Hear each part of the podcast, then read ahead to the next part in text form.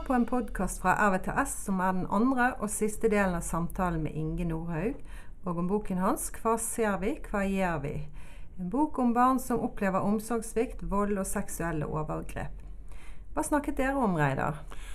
I forrige podkast gikk vi inn på første del av boken til Inge, som ga en fin oversikt over fagfeltet med en del aktuelle teorier og modeller. I denne podkasten skal vi gå litt nærmere inn på konkrete råd og anbefalinger til voksne som møter disse barna og unge. La oss høre på denne siste delen av samtalen.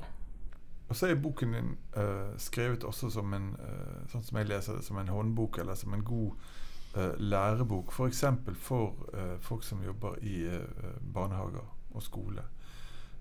og der sier du en del ting om hva som er en god måte å arbeide på når en blir bekymret for mm. barn. Mm. Uh, blant annet sier du litt om at uh, en ikke bør gå alene med bekymringene, at en bør løfte dem opp. Uh, kan du si litt mer om det? Ja, når vi nå vet at i og for seg alle barn som har vanskeligheter, har en som har kompetent bekymring for dem, så er det om å gjøre hva de har gjort med denne bekymringa.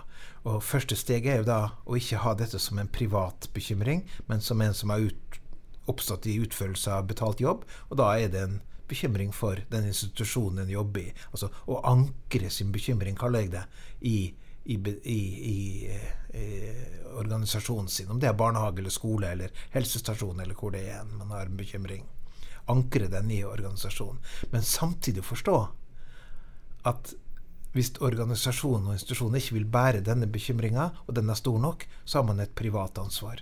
Mm. Så det er to ledd i det. Én eh, i Kristoffers sak så var det en assistent som var veldig bekymra, men som trodde at den hadde avlevert sin bekymring når den meldte til rektor. Mm. Men, men, den assistenten får mye kritikk fra Fylkesmannen i, fordi den ikke eh, gikk til melding sjøl, fordi de mente at det var så tydelig. Mm. Slik at eh, første steget er den holdninga. Men det er også å søke hjelp utenfra, konsultasjon utenfra. Eh, Istedenfor kanskje å sende den der første mm, eh, eh, minste felles multiplum-henvisninga til PPT. At man kanskje tar en liten runde der man snakker med barn. Jeg ser at du går rundt, jeg ser at du sånt der. Hva har skjedd? Fortell meg-samtalene. Altså man går i den samtalen. At man tar opp med foreldre det man er bekymra for det, det kaller jeg ofte grønn linje. Det er en situasjon der du snakker med foreldre, prøver å utvikle. Og det vil gjelde i ni av ti saker. Mm. Så vil det gjelde. Mm. Så går du med bekymring om vold eller seksuelle overgrep, og det drøfter du med barnevernstjeneste eh, for sikkerhetsarbeidet knytta til en eventuelt avdekking. Okay. Og, og, og, stort sett så tenker jeg at man skal at det å bruke litt tid på denne bekymringstida er bedre enn å rushe til et veldig raskt tiltak av en eller annen type. Det ser ut til at, at skal, man, skal, barn forandres eh, når, når, man får vite noe, når man er urolig for et barn, så har man så lyst for at ting skal forandres i dag. Mens hvordan dette barnet har det når det er 15 og 20 år, det er jo det viktigste målet for aktiviteten akkurat nå. Og den bør ha litt lengre perspektiv enn at jeg skal løse mitt dilemma med min sak i dag. For det som du kaller for sikkerhetsarbeidet, det handler om å sørge for at når man åpner opp en sak, så uh, går det i en god retning istedenfor at det låser seg og blir veldig vanskelig. Ja, altså Sikkerhetsarbeidet eh, Det vi tenker ved det, er at hvis et barn eh, forteller om vold eller seksuelle overgrep, eller man står med store mistanker om det, og snakker med foreldre veldig åpent om det, så gjør man en risiko eh, en sikkerhetsrisiko for barnet. Barnet kan bli skada av det. Mm. Altså, noen kan prøve å tøy, eh, gjøre barnet taust, ta mm. det ut av barnehage, mm. eh, gjøre andre ting, type ting der de kan straffe barnet. Mm. Slik at den sikkerhetsvurderinga knytta til den typen avdekking er overordentlig viktig at man overlater vekk fra seg sjøl. Mm.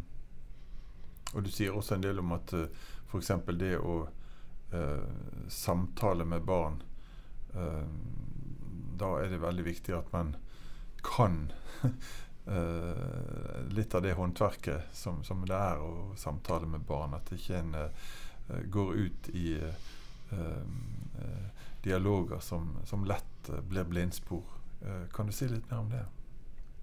Eh, samtaler med barn er jo blitt en, eh, en, stor hit, og det har kommet mange verktøy nå. Det ligger jo snakkeverktøy til Bufdir ligger ute, så folk kan sitte og øve seg på denne typen samtaler. Og, og i boka mi så har jeg en uh, familie med to barn. En barn som går i skole, og en i barnehage. Der de utvikler seg gjennom hvert kapittel, og der når de kommer til samtalekapitlet, gir en bilde på hvordan sånne samtaler kan gjøres. Det er likevel viktig å si at barn forteller til den de er trygg på, mer enn til den som har eh, eh, mellomfag i samtalemetodikk. Slik at, at det, å være, det, å være, en trygg voksen eh, er det viktigste kompetansen. Og så er det noen grep som ofte åpner, og så er det noen som lukker. Og så er det slik at ledende spørsmål kan være problematisk for barns rettssikkerhet. Det ser ikke ut som ledende spørsmål fører til så feile svar, men det kan føre til at barn mister sin rettssikkerhet fordi at de systemene som skal beskytte barn, er veldig avhengig av hvordan disse samtalene er gjennomført. Nettopp. Så beit jeg meg merke i at du hadde en del anbefalinger om at man ikke skulle spørre barn om har du lyst til å fortelle meg om dette, men kanskje heller si uh, fortell meg om dette. Ja, mm, jeg kaller av og til det den norske folkesjukdommen, der foreldre når de skal oppdra barn, sier 'vil du legge deg nå'? Vil du slå av PC-en kanskje og komme og gjøre lekser? Vil du eh, stå opp i dag? Altså eh, sted, at man søker anerkjennelse fra barnet på sin avgjørelse. Eh, Istedenfor på en vennlig måte å ta bestemmelsen og styring. Mm. Sånn at hvis man eh, overfører dette til samtale, da eh, eh, Vil du fortelle om dette vanskelige? Så sier nok barnet veldig fort nei. Men hvis du uttyder holdning på at 'jeg ser at du har det vanskelig, jeg vil gjerne vite hva det er for noe som har skjedd', Fortell meg, er du snill. Mm. Istedenfor Kan du fortelle? Da må barnet gjøre en avgjørelse. Mm. Nei, den kan ikke det. Altså, denne, den, denne måten å, å, spørre på er ikke spesielt vanskelig, men den er vanskelig. Altså fordi den bryter på noen kulturelle mønstre vi har rundt, rundt samtale. Så kanskje boken din kan bidra til at vi får uh, en litt endring i vår uh, kultur når det gjelder å snakke med barn som voksne, autoritative personer? Ja, og kanskje også på leggerutiner og, ja. og, på andre ting i oppdragelse. Det ser jo i nesten alle atferdsprogram. Mm. Så er endra beskjedgivning den mm. store suksessfaktoren.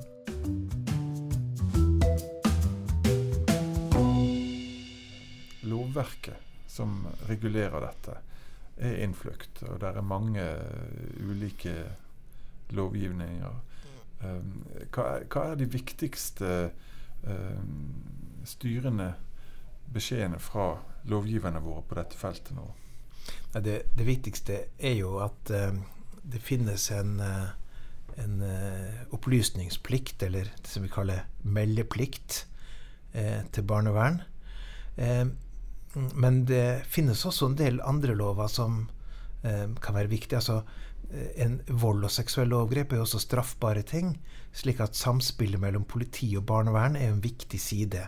Og det skriver jeg litt om, og det er det kommet en ny veileder på nå. Det, eh, men det, det, er altså en meldeplikt til barnevernet, og da utløser man også avvergeplikten til politiet. Slik at eh, eh det å kunne meldepliktsreglene er viktig.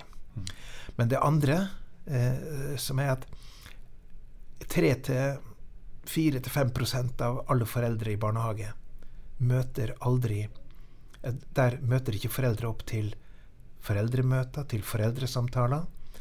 Og jeg tenker at de barna og de foreldrene har et stort lidelsestrykk ofte.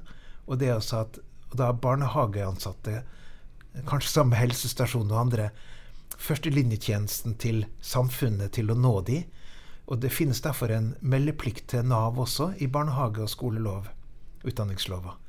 Slik at den, den, da, da, krever man løyve fra foreldrene for å, for å, utløse den meldeplikten. Men likevel er det slik at for noen foreldre med eh, små ressurser, så er hjelpen fra storsamfunnet, eh, psykisk helsevern, Nav, andre tjenester, den er ganske vanskelig å nå tak i. Og eh, kanskje eh, barnehage og skole skal strekke seg langt til å nå de foreldrene som ikke kommer.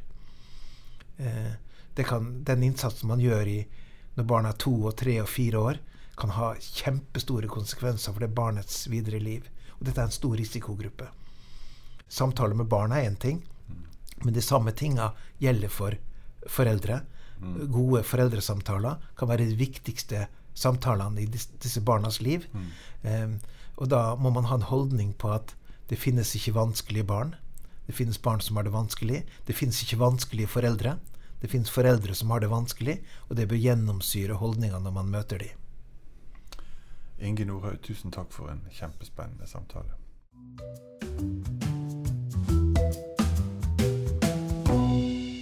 Vi på RVTS Vest lager podkaster om aktuelle tema.